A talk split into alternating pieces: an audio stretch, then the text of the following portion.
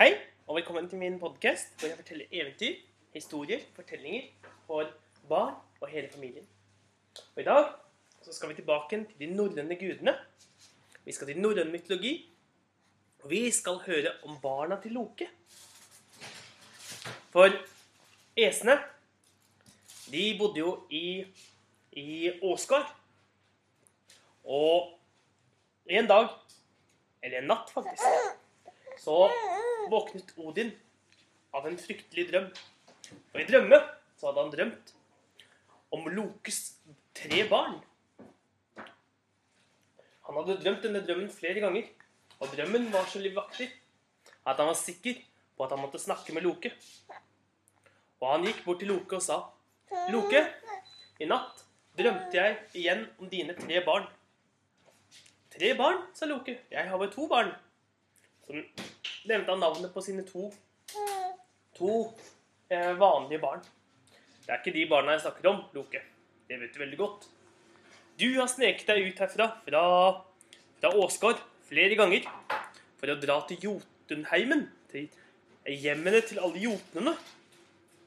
Der har du dratt til Jernskogen, hvor de på Jotunkvinnen, Angerboda. For sånn har jeg drømt. Hun som kalles for Sorgvalseren. Stemmer dette, Loke? Ja, det stemmer, sa Loke. Han tok på seg et ansiktsuttrykk som så ut som han var angret. Han prøvde i alle fall det, men uh, han fikk bare til et ansikt som så ut som han var veldig fornøyd med det han hadde gjort. Og uh, ja, det er sant som du har hørt, sett. Jeg har tre barn. Og Odin tilkalte alle gudene. Alle gudene måtte komme til et hastemøte, for dette var krise. Odin fortalte at han hadde drømt om Loke sine barn, og at de kom til å bli de største fiendene deres noensinne. De kom til å være der på selveste dommedag, på selveste På selveste Ragnarok. Og eh, jeg har sett at det siste som jeg så, det var øyn, et av øynene til et av disse monstrene. For det er i sannhet tre monstre som Loke har født. Jeg trenger de to sterkeste, du Thor og du Tyr. Dere reiser ned til Jotunheimen og henter barna til Loke opp hit. For de kan ikke være nede i Jotunheimen. Vi må ha dem et sted hvor vi vet hvor de er. Og Thor og Tyr reiste av gårde. De reiste over, regnbue, over regnbuebroen, over helt bort til Jotunheimen. De reiste og sloss mot mange troll, mange kjemper og mange jotner på veien. Og eh, til slutt så kom de da fram til huset der hvor Anger Boda bodde. Og Anger Boda hun ble veldig overrasket. Hun visste ikke at hun skulle få besøk. Så akkurat da hadde hun alle de tre barna sine midt inne i hallen, den store hallen, hvor de satt og lekte på gulvet. Og både Thor og Tyr ble forskrekket når de så hva slags barn som Loke hadde med Angerboda. Og Thor og Tyr tok med seg disse tre. Den ene av dem prøvde å spytte gift på Thor. Så de bandt den fast til et høyt tre og bar med seg hele treet. Den andre tok de på seg kraftige lenker, så den gikk i lenker ved siden av foten til Tyr. Og den siste, hun vandret ved siden av dem og snakket mens hun gikk ved siden av dem. Og etter en lang reise så sa Thor Du, Tyr, har du lagt merke til en ting? Det er fryktelig stille her. Ja, ikke det litt deilig? sa Tyr. Jeg mener, det er ingen jotner her. Ingen troll. Ingen uh, kjemper. Er ikke det veldig merkelig? Vi er i Jotunheimen. Ja, de Når du sier det, sa Tyr, er ikke det litt deilig? At vi ikke trenger å slåss hele veien? Jo, jo, men uh, Ja, jeg liker nå veldig godt å, å slåss litt mot noen uh, troll og sånn, jeg nå. Men uh, uansett. det er litt rart. Fordi vi har akkurat tatt med oss de tre barna til Angerboda. Og det er ingen av jotnene, ingen av trollene, ingen av kjempene, ikke engang Angerboda selv, deres mamma, har kommet for å stoppe oss. Det er som om hele Jotunheimen vil at vi skal ta med disse tre monstrene opp opp til verden utenfor. Ja, når du sier det, sa Tyr. Og i tillegg har jeg lagt merke til en ting til. Se på den lille valpen som jeg hadde ved siden av meg. Først så var den ikke høyere enn skoene mine. Men bare på de, den korte reisen vi har gått, så rekker han meg allerede over knærne. Han har vokst i et forferdelig tempo. Og Thor og Tyr fortsatte videre. Helt opp til de kom tilbake til Regnbuebroen. Og de gikk over Regnbuebroen med de tre barna.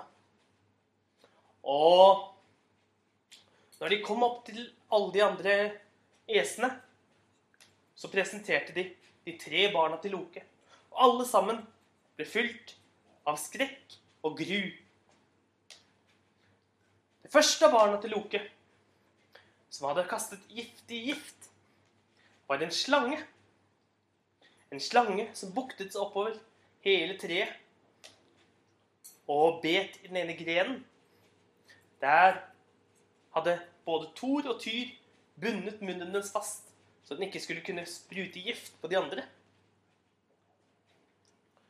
Og hva skal vi gjøre med denne slangen? sa Odin.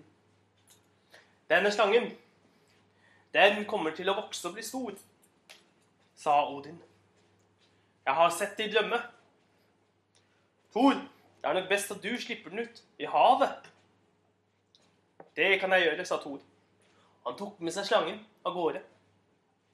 Helt ut til den ytterste, ytterste land av havet. Helt til verdens ende. Og der slapp han ut slangen. Og han så hvordan den ble større. Eller hvordan den allerede hadde blitt større. Jeg vet ikke helt om det er så lurt å slippe deg ut her, sa Thor. Ehm, jeg har en følelse på meg at vi kommer til å møtes igjen. Og etter hvert som slangen vokste, dypt nede i det grå vannet, under overflaten, nesten helt nede ved bunnen, der vokste den og vokste i alle årene som skulle komme. Helt til dommedag. Helt til verden går under. Under Ragnarok. Og eh, slangen, den vokste seg så stor at til slutt så omkretset den hele Midgard, gikk rundt hele jorden og bet seg selv i halen. Den ble kalt Jomungunder, eller Midgardsormen. Og Midgardsormen skulle bli det største vesen som finnes i noe hav. Det skulle bli den største slangen som noen gang har eksistert. Det var det første barnet til Loke. Det andre barnet til Loke, det var en jente. På den ene siden av ansiktet var hun kritthvit og vakker, som de levende selv. Hun var i sannhet noen En vakker jente på den ene siden. Men på den andre siden av ansiktet, der så hun ut som hun hadde dødd. Der hadde hun sort hud som var brent. Hun hadde død hud og så ut som et skjelett. Hun så ut som hun var selve døden selv. Jeg trives best med de døde, sa jenten. Ja Jeg eh, tror at du skal få lov til å styre i underverdenen hos de, de døde. Alle de døde som ikke dør i en eh, i kamp. De som ikke dør på en ærefull måte i kamp. For alle de mennene som dør i en ærefull kamp, i krig eller sånne ting, de kommer jo til meg, til mine haller, mine gullporter, hvor de en gang skal få lov til å feste hver dag. De skal få lov til å kjempe og gjenoppstå hver dag til evigheten, eller helt til Ragnarok. Og eh, de som ikke klarer dette, og dør på en sånn ærefull måte, de som dør av alderdom, de som dør av eh, ulykker. Eller de som ikke har vært sterke nok. De skal komme ned til deg, og du skal hete Hel. Du skal få lov til å passe på alle de døde. Og For første gang så, så de at Hel smilte. Hun smilte og gledet seg til å kunne oppbevare tiden sin nede i, i underverdenen sammen med de døde. For tross alt, hun trivdes best med de døde. Dette var det andre barnet til Loke. En som hersket over alle hav. En som hersket i underverdenen. Og den tredje, det var en liten valp. Det var en liten ulvevalp. Og ulvevalpen, den het Fenris.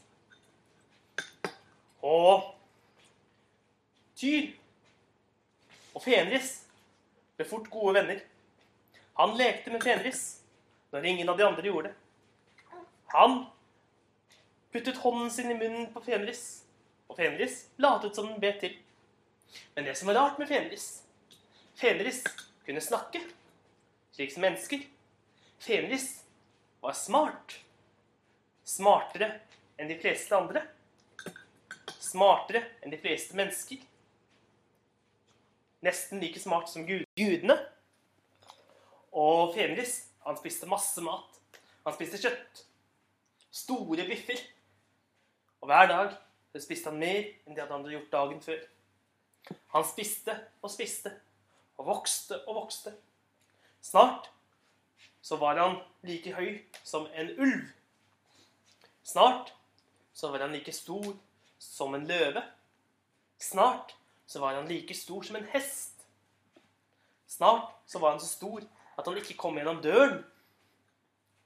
Og gudene begynte å bli bekymret for Fenris. Han var utrolig sterk. Og han vokste og vokste og vokste. Og så ikke Gud til å skulle slutte å vokse. Gudene bestemte seg for at de måtte lage et rådsmøte. De måtte finne en måte å lenke Fenrisulven på. Og dette her var historien om Lokes barn. Neste gang så skal vi få høre mer om hvordan det går når gudene skal eh, sette lenker på Fenrisulven.